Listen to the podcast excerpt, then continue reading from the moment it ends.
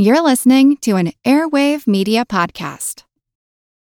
When you need mealtime inspiration, it's worth shopping Kroger, where you'll find over 30,000 mouthwatering choices that excite your inner foodie. And no matter what tasty choice you make, you'll enjoy our everyday low prices, plus extra ways to save, like digital coupons worth over $600 each week. You can also save up to $1 off per gallon at the pump with fuel points. More savings and more inspiring flavors make shopping Kroger worth it every time. Kroger, fresh for everyone. Fuel restrictions apply.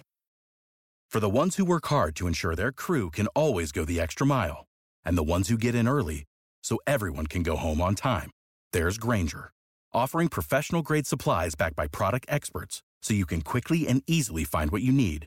Plus, you can count on access to a committed team ready to go the extra mile for you. Call, clickgranger.com, or just stop by. Grainger, for the ones who get it done.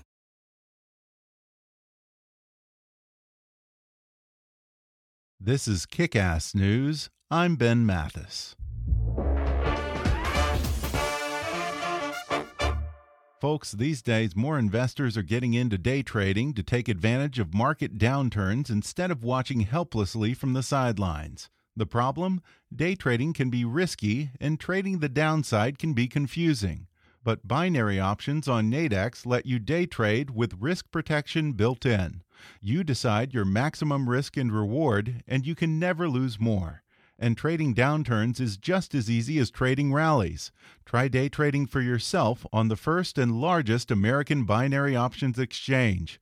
Trade stock indexes, commodities, forex, even economic numbers.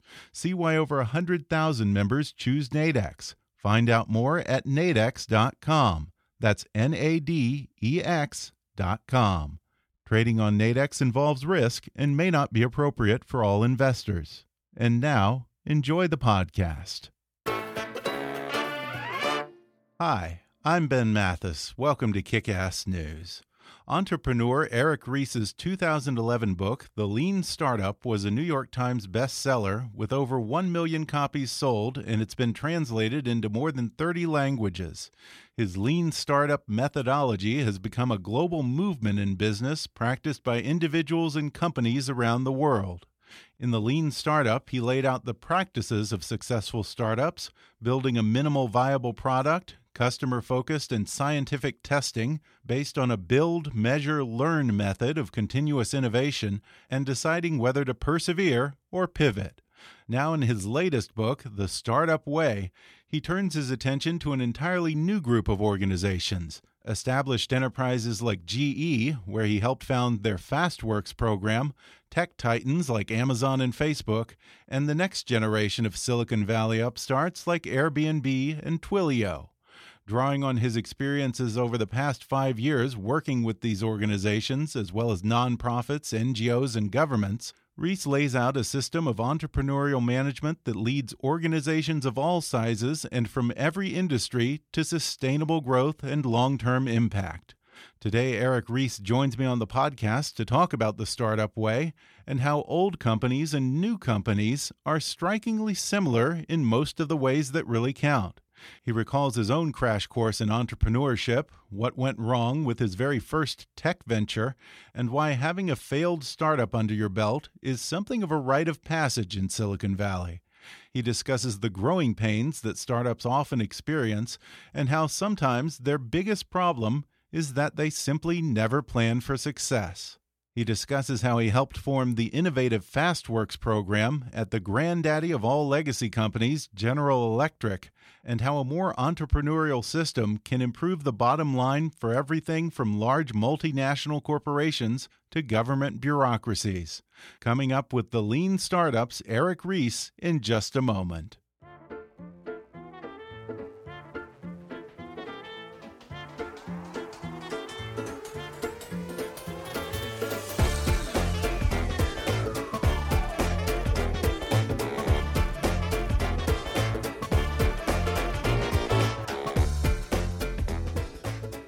Eric Ries's first book, The Lean Startup, became a bestseller and a seminal business strategy guide, selling over a million copies and having been translated into more than 30 languages. Now, Eric Ries is following it up with a new book that applies his lean startup ideas to much bigger companies and organizations. It's called The Startup Way How Modern Companies Use Entrepreneurial Management to Transform Culture and Drive Long Term Growth. Eric, thanks for coming on the podcast. Thanks for having me. I enjoyed the book, and like I said in the intro, the lean startup has really grown into a worldwide movement, and it's earned you a reputation as the entrepreneur's entrepreneur.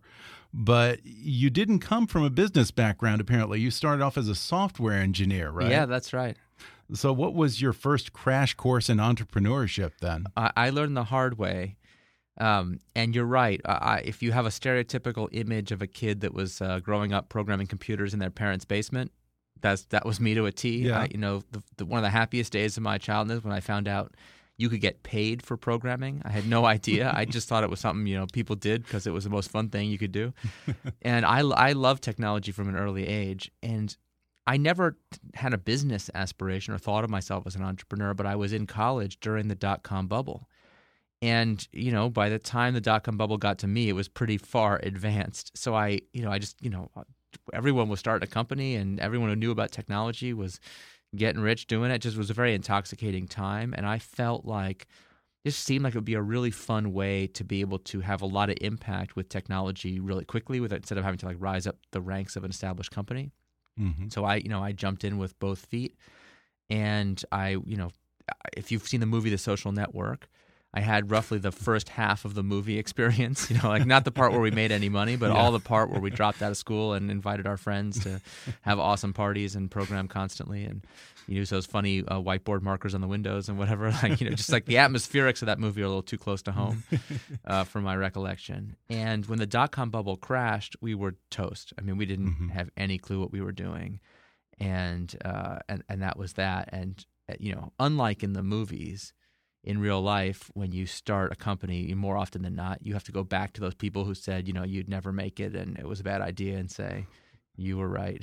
You know, Yeah. you don't get that satisfaction. In the movie, you get the satisfaction of, ah, see, suckers, I told you. This is no. In real life, you say, oh no, I guess I, I should have stayed in school and whatever. So, yeah, that was my very hard luck uh, introduction to entrepreneurship and how hard it can be.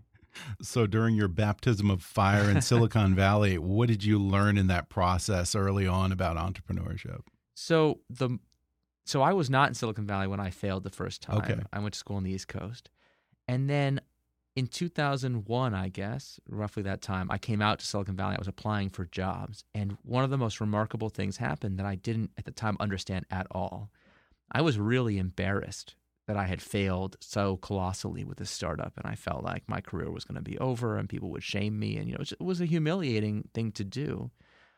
And I kept meeting people in Silicon Valley who would say, "Tell me about your failed startup," and I'd be like, "Oh, well, you know," I'd like I tried to like hide. They'd be like, "No, no, no, it's okay.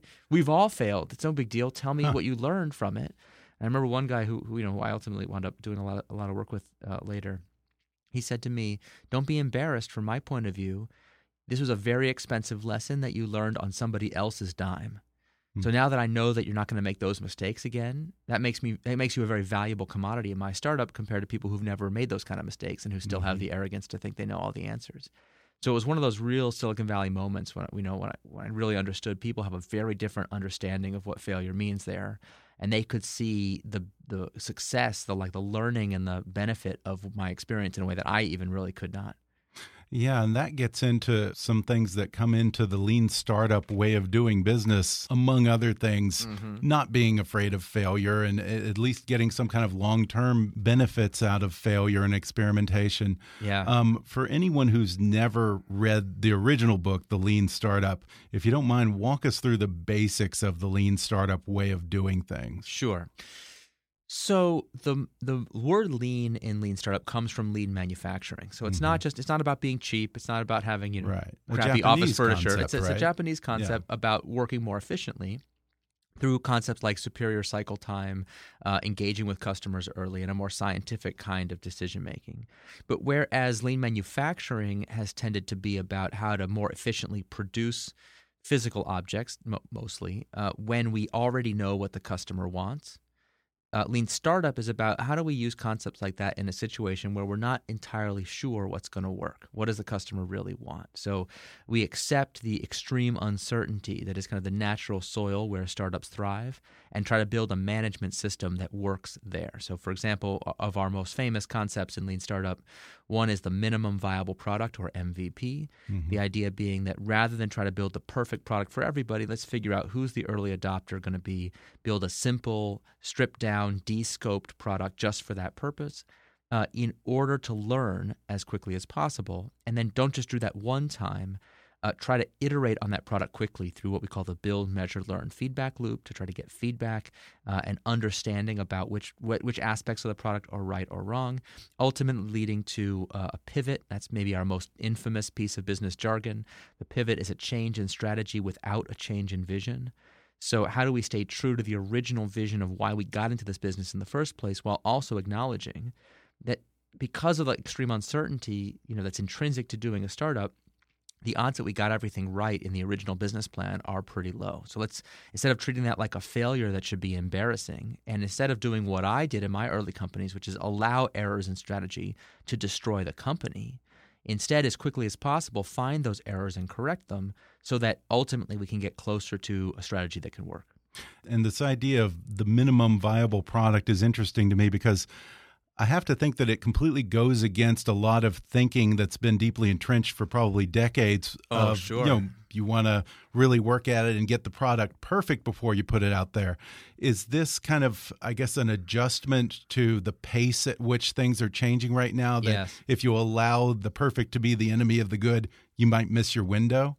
You got it exactly. That's uh, I, I couldn't have said it better myself it is extremely counterintuitive, actually, for people who have been trained, especially in engineering. But in most functional disciplines, we have a sense of what excellence looks like, and we've all been taught to strive for excellence. And that's there's nothing wrong with that.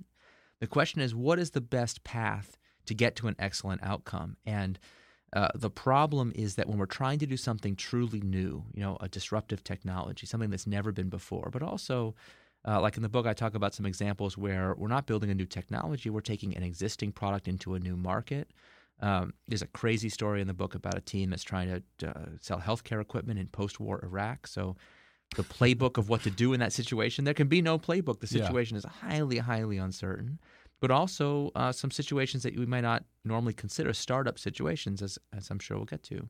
In any of those situations, we have to accept that sitting in our own office and thinking great thoughts and being perfectionistic is not actually a very good strategy for getting to a mm-hmm. perfect mm-hmm. outcome. So it's not that we're not striving for excellence, it's that we have the humility and the kind of scientific mindset to accept that we got a hypothesis here. We have a theory about what customers might want, but it behooves us to go find out if that's what they actually want mm-hmm. and let reality help us discover what's going to work. Now, your first book, The Lean Startup, was really geared toward young startups, mm -hmm. more in the aspirational phase.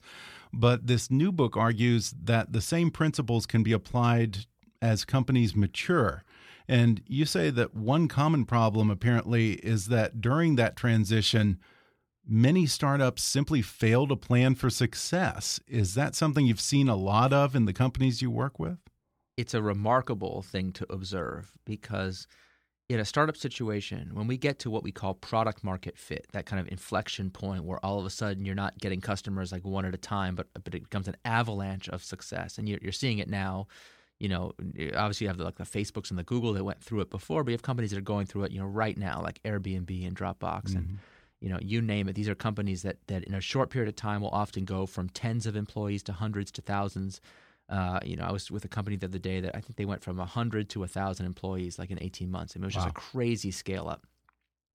So uh, you have the tremendous stress and strain on the company. And one of the hardest things to do when you go through that transition is to both professionalize, so you avoid the kind of, you know, HR and just basic screw ups that you've seen in some recent high profile scandals, but to do that without losing the startup DNA. Mm-hmm. So you don't just become another big company. And I, like many entrepreneurs, I, I hated big companies. I didn't want to work in a big company. That was my original idea of going and becoming an entrepreneur in the first place was to try and create something new. I didn't have to deal with the bureaucracy and the politics. And I meet so many entrepreneurs now where I tell them, listen, if you hate big companies so much, why are you trying to create a new one?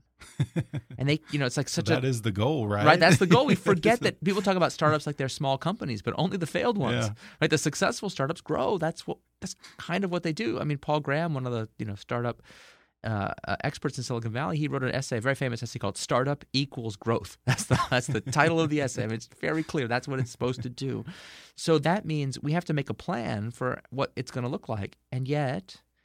I often will do like a town hall meeting for a company that's grown past a few hundred employees, and we'll talk about the startup DNA issue. And I'll often say, okay, raise your hand if you joined the company in the last 18 months.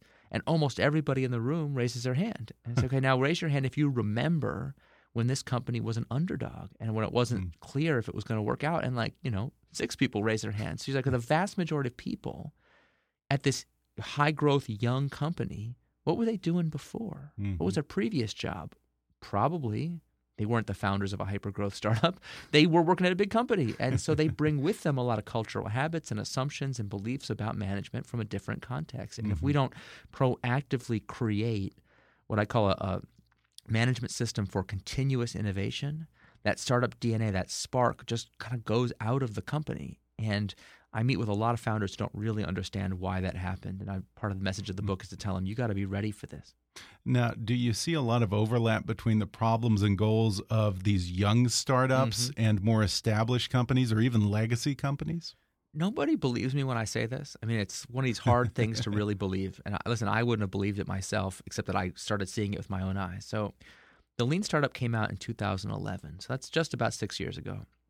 And in the intervening time, I've had the privilege of working with uh, a bunch of these hypergrowth companies that have scaled past product market fit, as well as a number of legacy companies who have called me up and say, hey, we want to reinvigorate our company with uh, this startup DNA and recapture it. And, you know, even though Thomas Edison is long dead, you know, we still want to see, see ourselves as, you know, the inheritors of his legacy and we want to work in a more entrepreneurial way. And I think mostly policymakers and large companies and even a number of governments and not they've kind of gotten the memo that the 21st century is going to be the world you know the century of entrepreneurship and innovation. Anyone who can't operate at that level of intensity and speed is in trouble. And so i would often have be working in these two different contexts at the same time. Sometimes i mean literally the same day i'd be with a startup in the morning and a legacy company in the afternoon. Uh, I, you know i talk in the book a little bit about yeah, like sometimes with the CEOs of those two companies, like sitting with Jeff Lawson, the CEO of Twilio, I think 600 employees. In the morning and the afternoon with Jeff Immelt, the CEO of GE with 300,000 employees, and, and trying to have these conversations. And what was bizarre to me is we're having the same conversation. Yeah. Five year old company, 100 year old company, thousands of employees, hundreds of thousands of employees, the same basic conversation. And, and eventually I started to realize the reason we're having the same conversation is these companies' org chart, their structures look exactly the same, hmm. even though they're five years old and 100 years old. And then I was like, and they're not only the same with each other, if I could reincarnate the ghost of Alfred Sloan, you know, the legendary CEO of yeah. GM who took over in, I think, the 1920s mm-hmm. and had the, the fundamental breakthroughs that led to the modern matrix managed, multi division, multi product company. If I showed him these org charts, he would say, "Oh yeah, that looks very those. familiar to me." I was like, you know, I see you've made some improvements and refinements, but it's basically the same structure. And it just it hit me one day. We are building these new, hot, modern companies to a very old-fashioned blueprint. Mm-hmm. And is that really the best we can do? And you know, hasn't a lot changed in the past hundred years? And do we have, you know, does anyone have any ideas for how to do better? And that that seed of an idea to say, wait, that's kind of a shame mm-hmm. that we build these new companies to old ideas. How like what would it look like to do better? Mm-hmm. Uh, that's ultimately what led to the startup way. Yeah, and what's interesting is you're not even necessarily married to your own strategies because you say this shouldn't be a one time restructuring, what you're proposing yeah. here. New organizational models should constantly be disrupting and replacing each other in the same way that tech is rapidly and constantly evolving and reinventing itself. Yeah. How does one build the engine that drives that evolution and keeps it sustained? Uh, thank you for asking about that because it's by far the most controversial idea in the book. But to me, mm. it's just common sense. I mean, first of all, come on. What are the odds that I've written the last business book? You know, every every I feel like every business so-called guru is just like, if you just follow my one prescription, everything will be fine for you forever. And it's like, come on, who believes that? That's just preposterous to me. Of course, like the weirdness we've seen in the 21st century, we ain't seen nothing yet. the pace of change that we have experienced in our lifetime to date is the slowest pace of change we will ever experience. And because of exponential growth, this is going to get so weird. We're going to look back at this as the golden days of stability and calm. And I mean, for better and for worse, it's going to be a wild ride. So, wh- how could we possibly be so arrogant as to think uh, we've figured out all the answers? That's crazy. But that's not an excuse for complacency. We have to start to say, how do we build a management system that can plant the seeds of its own evolution so that we can always be experimenting with new organizational forms? And I, you know, I think I say in the book that uh, the managers of the future are going to view organizational forms as basically disposable, the same way you feel about your smartphone. Like it's mm-hmm. state of the art when you buy it, but you know, eh, some people like to upgrade every one year, some people upgrade every two years, some people like to cling to that thing till it dies. But like, every, you know, after a few years, it's just it's old and obsolete. That's the pace mm-hmm. of technological change. Well, that's going to become the pace of managerial change too. So we can't just do the kind of 20th century big rearrange the deck chairs type reorgs those are too slow and bureaucratic to work. What we have to do is see um, organizational forms as something that need to be incubated and tested and experimented like a startup. And in fact, I try to present in the book a theory of the unified theory of entrepreneurship, meaning that today in the org chart, we have lots of different behaviors and activities that are managed separately that I think have more in common than people think you mm-hmm. know, not just high uncertainty things like a new product or a new market, but also internal systems like IT and HR. When we do radical changes uh, in our functional domains, that should be treated like a startup too.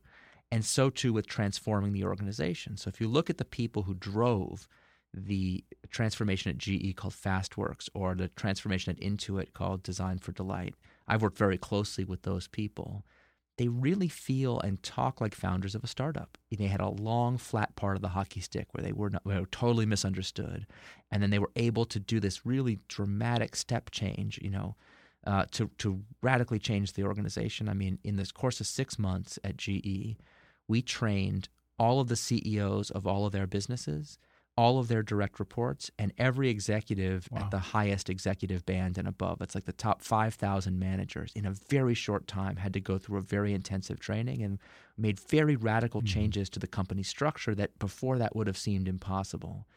Uh, and that's what exponential growth looks like. So, uh, you know, and I tell a story in the book about uh, people who did that in the federal government, like, uh, you know, one of my heroes, the former CTO of the United States named Todd Park. Uh, and that that pattern is very similar to the product market fit, you know, hyper growth startup pattern. So trying to see those commonalities and see all of those different activities as having a deep structural similarity, that's kind of one of the, the breakthrough ideas in the book that I'm excited about. We're going to take a quick break, and then I'll be back with more with Eric Ries when we come back in just a moment.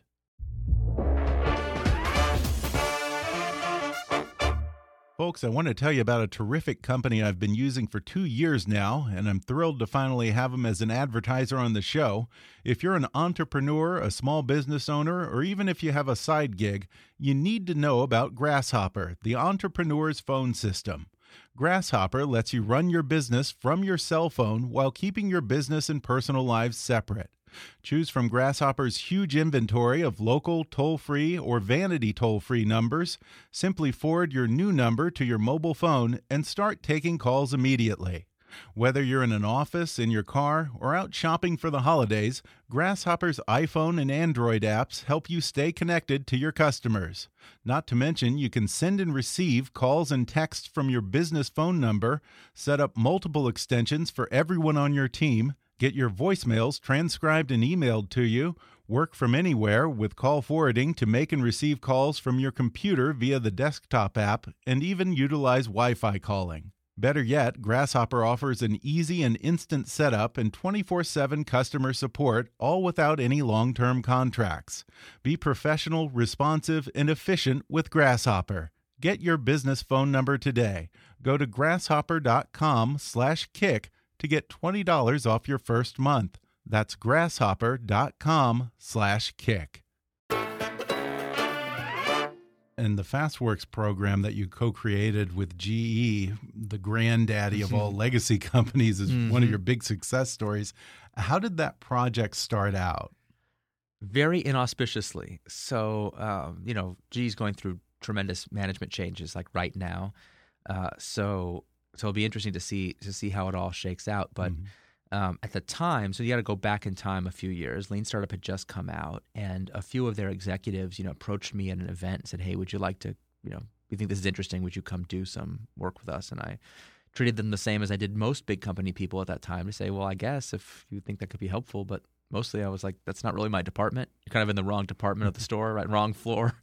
Uh, I, I do startup things. This is a big company, so and they were like, "Well, you let us you let us worry about that. You just come give some talks." So you know, I did some stuff with them, get some talks, work with some of their teams, and at a certain point, they told me, "Listen, we think this is ready to bring to the attention of the CEO and the top executives." And I said, "You know, whatever you say." So they brought me out to this meeting uh, in their legendary Crotonville training facility. If you've never been, it's a remarkable, remarkable place. Very well parodied on Thirty Rock a few years ago. For those that those that recall.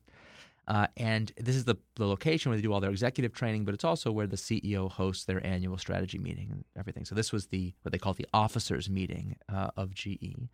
Uh, the CEO and his top roughly 200 reports in the company. It's the most senior meeting you can have uh, at the company. It's a closed two or three day meeting. They don't they very rarely have outsiders present at all. And Beth Comstock, who who is now the vice chair, but at the time I think her title was CMO, very forward looking, very innovative executive, had a had her segment of the meeting, and she had convinced them that they should allow an outsider to come in and present. That was me, come and talk about lean startup. So we did that. Gave my presentation. I, I never forget the look on everybody's faces. like, what? Who is this kid from Silicon Valley telling us whatever? and at the end of the session, they say, "Okay, any questions?" And I remember you could hear a pin drop. Of course, everyone's looking at the front row where Jeff Immelt, CEO, Yeah. is sitting, and there, of course, there's no questions. So he asks his question. Here's his first question. He asked, "So and so." He he calls on one of his GMs by name. Your division only makes 500 million a year for GE. How come you're not already doing this? and you could just see like all of a sudden there were a lot of questions in the room and it was like such a bold slap in the face. We are going to do this. He was just very clear. I want to hear why we, why we can't do this. And uh, so we did that session. I answered the questions. I did my best. And then they took me straight from that to the afternoon to do a workshop.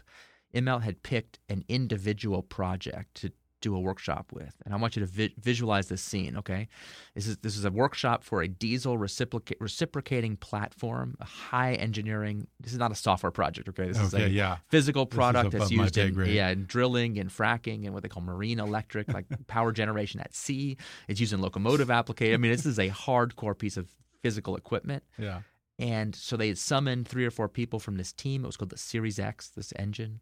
Uh, they brought that team out to Crotonville. And just imagine this poor team summoned to Crotonville to do a workshop with me, the three of them, and like 25 corporate vice presidents in the back of the room just to observe. I mean, it's just a brutal setup for a workshop. And this poor team was under tremendous pressure. Dude, what the hell are they supposed to do? Yeah. And that's how we started. We, we just had this conversation. I, I tell a story in detail in the book about what are the what we call the leap of faith assumptions for this engine and what could a minimum viable product look like and over the course of a couple of hours we showed how the team themselves not the outside expert the team themselves by changing the questions they were asking and the way that they were framing the goal of their problem they could get the first experiment done not in five years but in six months so a order of magnitude cycle time Wow. improvement of speed to market and it was such a magical moment because you had several of these vice presidents in the back of the room who had been very skeptical, kind of see the magic with their own eyes. And I, even one of them who said, I get it now. I'm the problem. I'm the one slowing the company down, and I got to change. And so, you know, we started with that one project, and then we did four projects, and then we did eight projects. And Then we started doing them like with a program where we every few months we would we would scale up more and more hmm and then and then we were off to the races and eventually now i'm kind of catching up to the story i already told you once we had shown that we had a critical mass of success and failure stories and once we had translated these lean startup principles from an outside abstract framework into fastworks a ge specific inside framework that gave us enough proof points for the ceo and the top uh, executives to say okay now we're ready to deploy this across the whole company and even though uh, you know, there's a leadership transition, and, and several of the people who are involved in that story are leaving the company. Several of the people who've been promoted in the wake of that change are people who were part of that original FastWorks uh, uh, implementation, including the new CEO, the new CFO, the new head of innovation. So I mean, it really has had a profound impact in the company.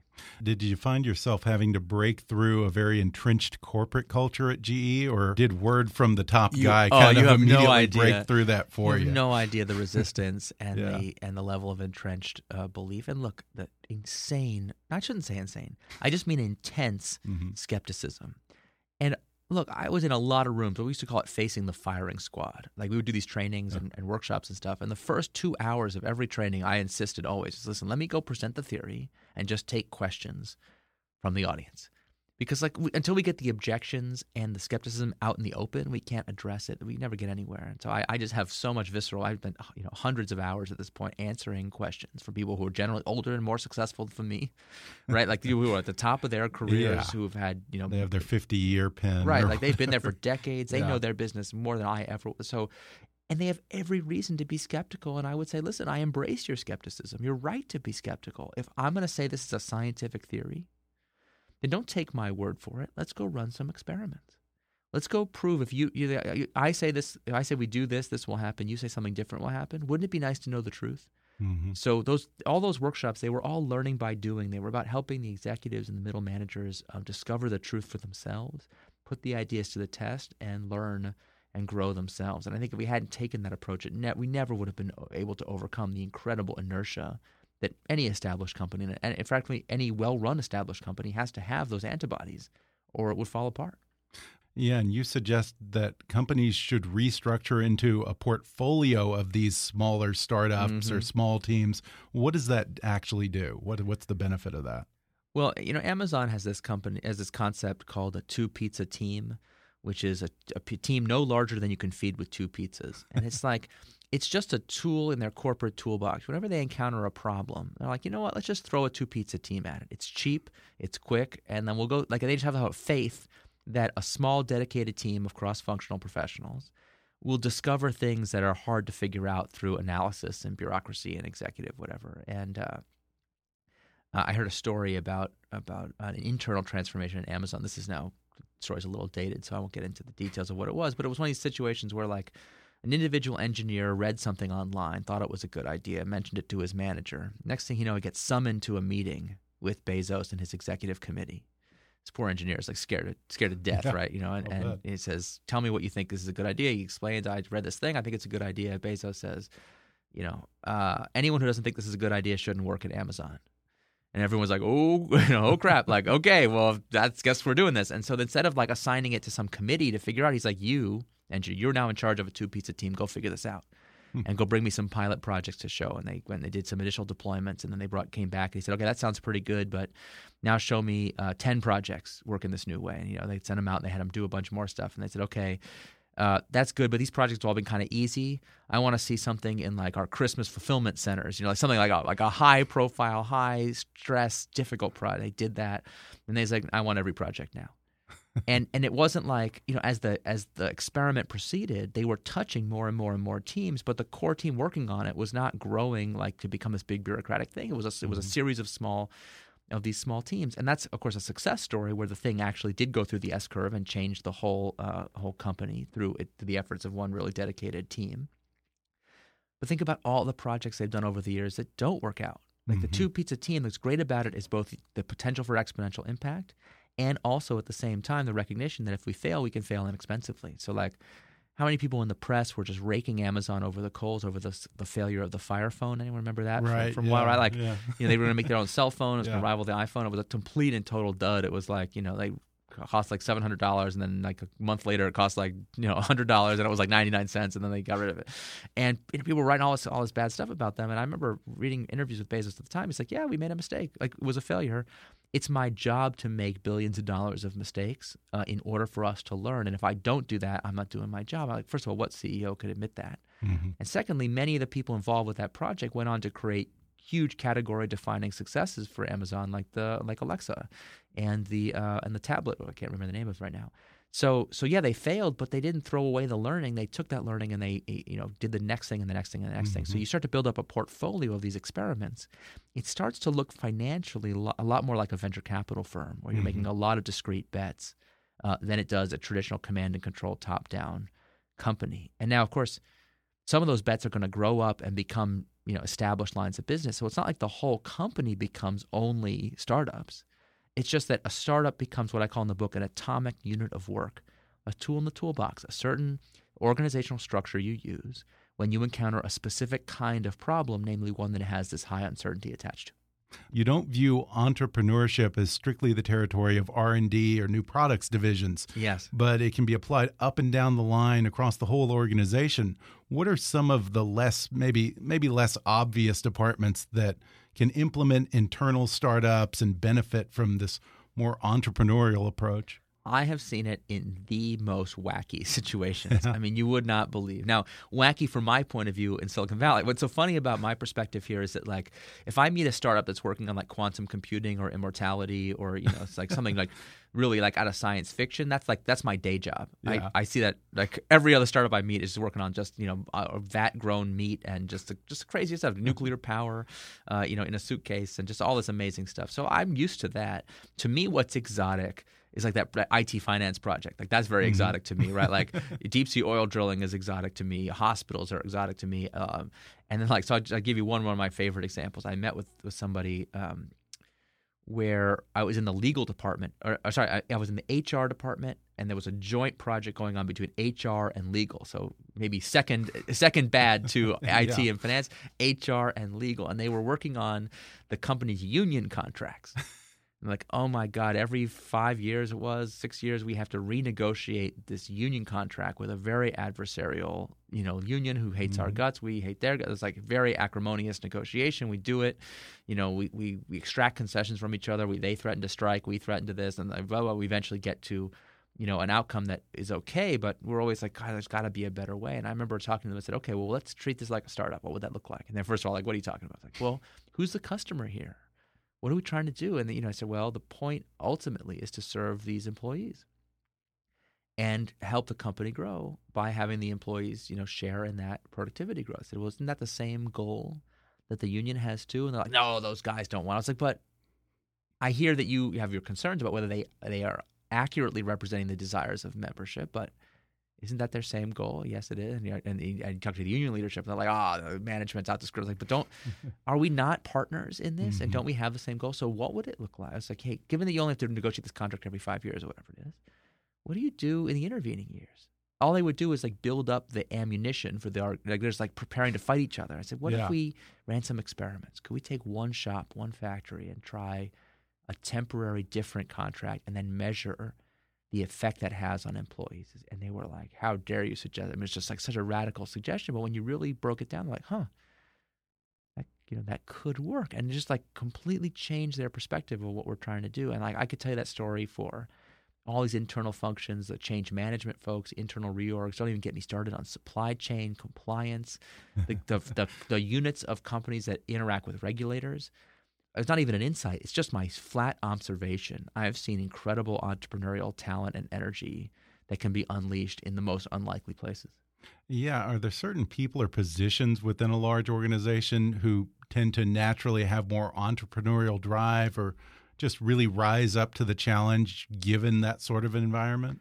There's no discernible pattern that I've been able to hmm. find. And you see that same thing in startup founders too. Like one like when Silicon That's Valley true. talks about how we're a meritocracy, which is a very loaded concept, has all kinds of very problematic and a lot of ways in which we're not. But what what they mean when they say that is good ideas can come from anywhere, and you just never know, right? Like when Mark Zuckerberg, you know, like when we saw the movie, there's that famous scene where he comes to his pajamas to meet with a VC. Like he didn't look the part, and he wasn't respectful, and but but they were able to overlook all that to to see the underlying uh, reality. And so, what I see is that, look, you know, if you know about a normal distribution uh, where just any personality attribute, you take a large sample of the population, there's going to be amazing extreme outliers of that attribute just by the law of large numbers. And that's just true in every function. Like once a company gets a certain size, you, you just by accident, people, you know, they just become you know employees of your company they didn't do it because they have this incredible entrepreneurial talent but they they just have it. And it's like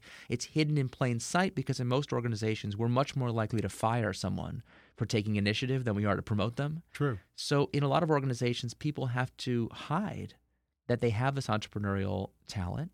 A lot of a lot of internal innovation is done off books you know where management doesn't know because they're afraid that management will shut it down. Unfortunately, that's also the same environment where a lot of fraud happens. So it's actually a really bad way to manage innovation. Like we need to get it out into the open. Now, when you're applying the startup way to government and public policy like this, Yeah.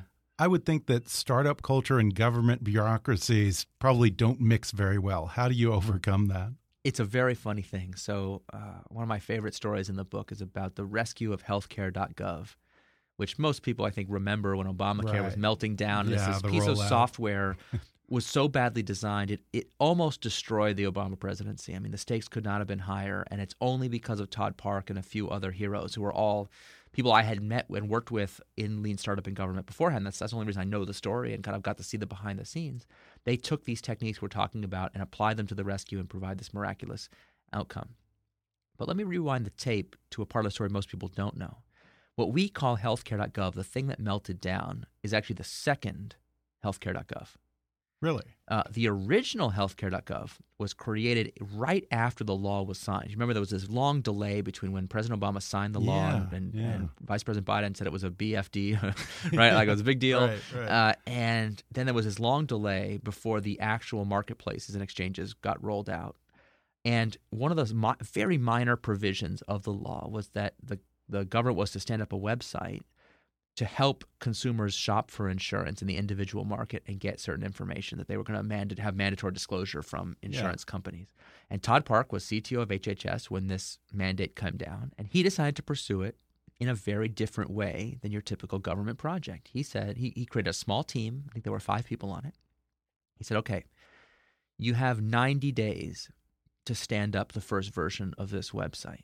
And the team at first was like, okay, in 90 days, we can have a meeting to create the study proposal to whatever to think about it. He's like, no, you don't understand. We're not going to make a plan to do it And It's going to be done 90 days from today.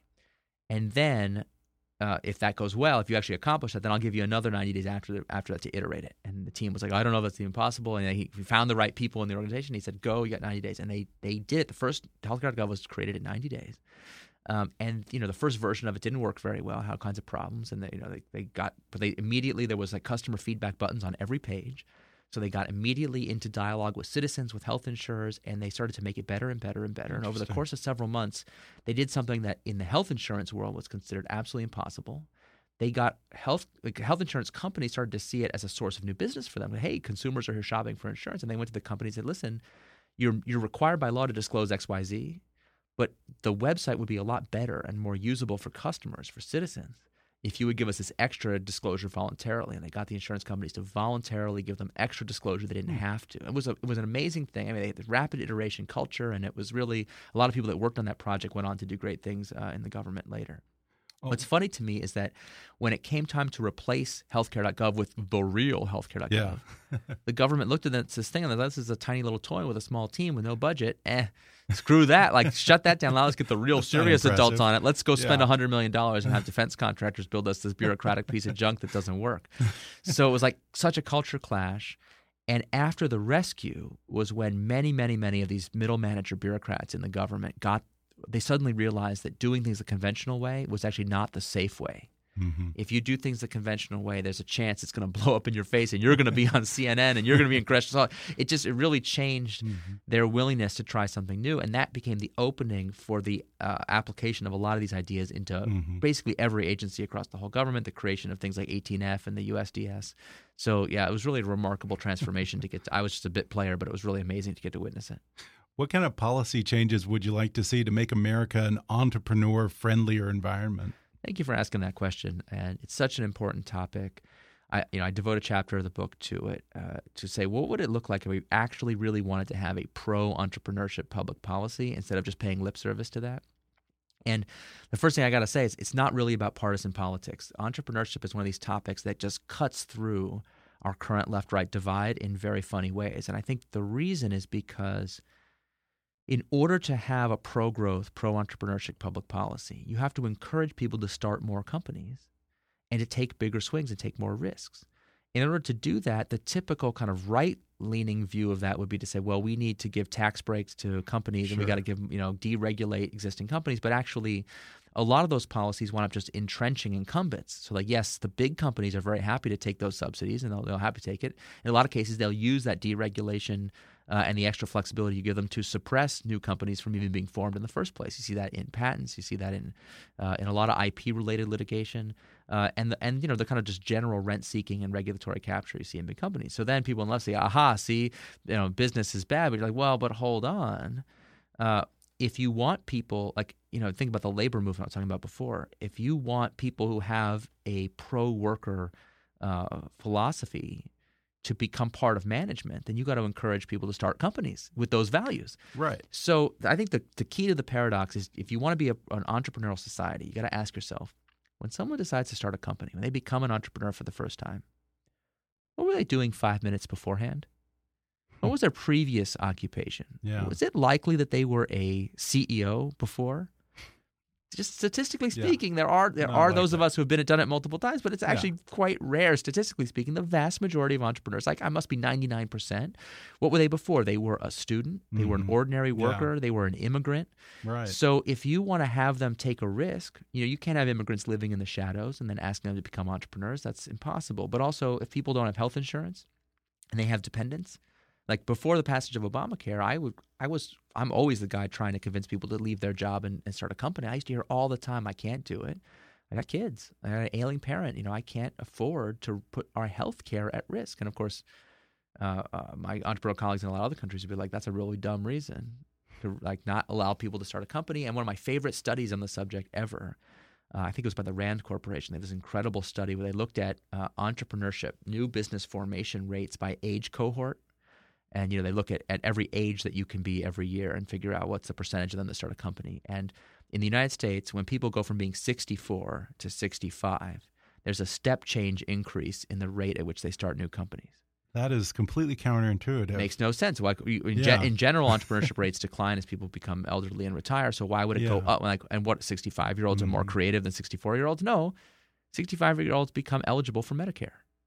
Ah, yeah. So all of a sudden, people Mhm. who were trapped in their crappy job because they couldn't, uh, it's like so clear in the data. interesting. So now, uh, you know, and I've I've had this problem where you're like, so is Obamacare a liberal or a conservative issue? Well, like I, I was actually on Fox when my book came out. I did a little tour. I was on Fox. I remember a segment they said, "Isn't Obamacare job destroying?" I said, "Listen, with all due respect, it's I don't know. You can argue about all kinds of aspects of it, but one thing is unarguable. This is going to have a very positive rate for entrepreneurship. hmm So is that a left issue or a right? issue? Like it gets confusing, and you see that with immigration. You see that with uh, protections for companies. Like uh, take a simple one: California has a policy that you cannot enforce non-compete agreements. Non-compete agreements are terrible. You- They should they should not be allowed.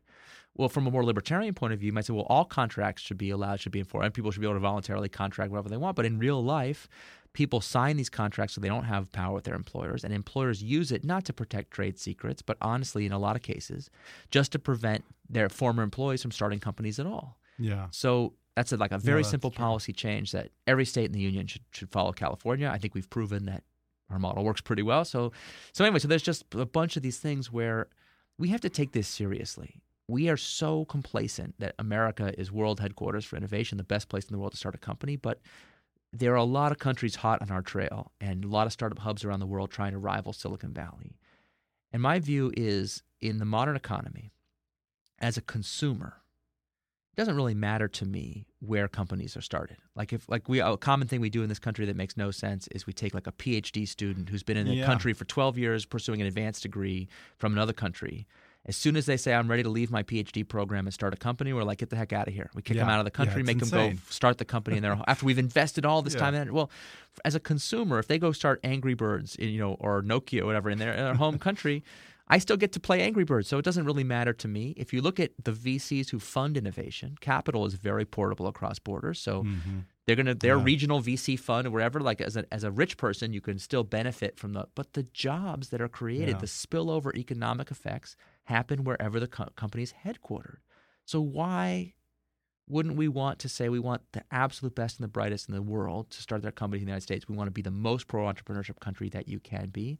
And all the research that's been done suggests that's key to economic growth in the future. So it's a kind of grow the pie mentality that I think we cannot take for granted. We have to actively work as a community to invest in our civic institutions to preserve. Yeah, I hope I have this right, but I think that you say in the book that 40% of the CEOs in Silicon Valley or something like that are immigrants themselves. It's right? a remarkable stat that I, I, I'm sure I'll get it wrong, so people should. I, I'm sure I cite it correctly in the book, but yeah, already. yeah, yeah, exactly. Who knows? It's a it's a very high percentage of the most impactful companies had an immigrant co-founder. I think Wow. is a stat, and it's we just take it for granted that of Well, course it's Sergey that way. And- yeah, and, and, and, you know Max Levchin and all these Mhm. you know, very famous examples. Steve Jobs was the son of a Syrian immigrant. I mean, right. so do we want Steve Jobs to start his company here or somewhere else? It's like Yeah. that. It's like that basic to me. And anyone who would say like that's not the American way, you know, I, my grandparents were immigrants to this country. Uh, it's like the most American thing there is, I think, to to seek out the land of opportunity and to say that we are a country defined not by our blood, not by our soil, but by our Mhm. ideas. And to say if you if you believe in the civic religion of this country, then you are an American, the same as George Washington or anybody. Uh, anyone who doesn't agree with that, I, I just can't Mhm. understand. Well, before we go, uh, when you're consulting with GE or when you're lecturing a group of young startup wannabes, do you have a, a favorite mantra that you like to drive home? Oh, sure. It's it's just it's this very simple phrase, and I I wish I could give credit. It was not my original invention, but I cannot remember where I learned it first. It's kind of ubiquitous in startup circles, and it's it's just three things: one, think big; two, start small; three, scale fast. So, like when in doubt, just do those three things. Like take your big big idea. Like if you don't have a big idea, work on that first. Like Uh-huh. think about like people always talk about changing the world, but like take it seriously. Like if I if I could change the world right now, whoever Mhm. you're listening to me right now, I bet you you have a, a 100% unique perspective on how the world could and should be changed. So what is it? Like think, th- give yourself permission just for a minute, think big. Now, once you have that idea, don't go crazy being like I got to I got to write a 400 page business plan and I'm not qualified. Who knows? Just be like just Mark Zuckerberg this thing, okay? Like start with something really small. Be like what is the smallest possible way I could put my foot in the water of this? And don't make it like, well, how do I get more education or more training? Just like, Mhm. what if you actually just started working on the thing itself?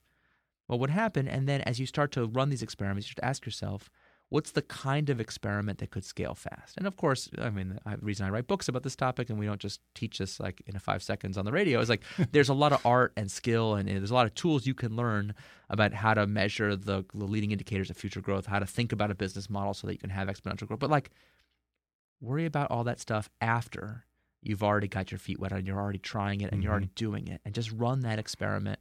You know if you're hearing this message on a on a friday run the experiment on monday.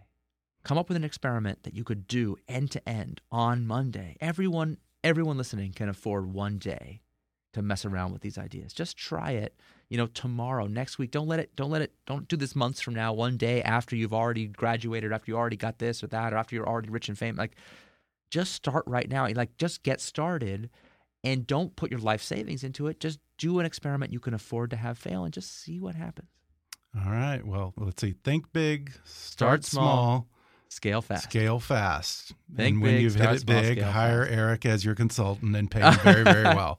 I would rather you don't hire me at all. You write a book about what you learned that I got all wrong and teach me something. That's the reward I would like. okay. Well, again, the book is called The Startup Way How Modern Companies Use Entrepreneurial Management to Transform Culture and Drive Long Term Growth. Eric, thanks for talking with me. It was really a pleasure. Thank you for having me.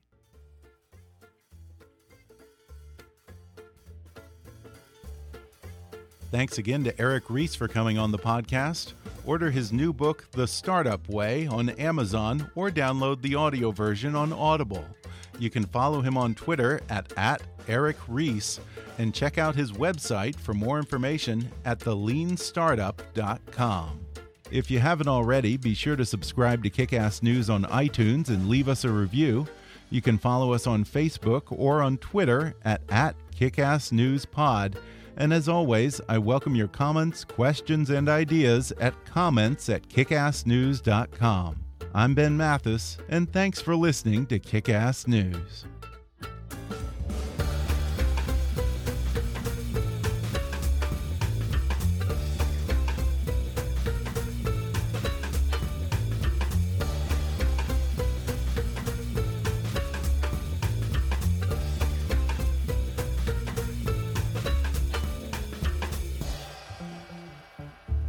Kickass News is a trademark of Mathis Entertainment, Inc.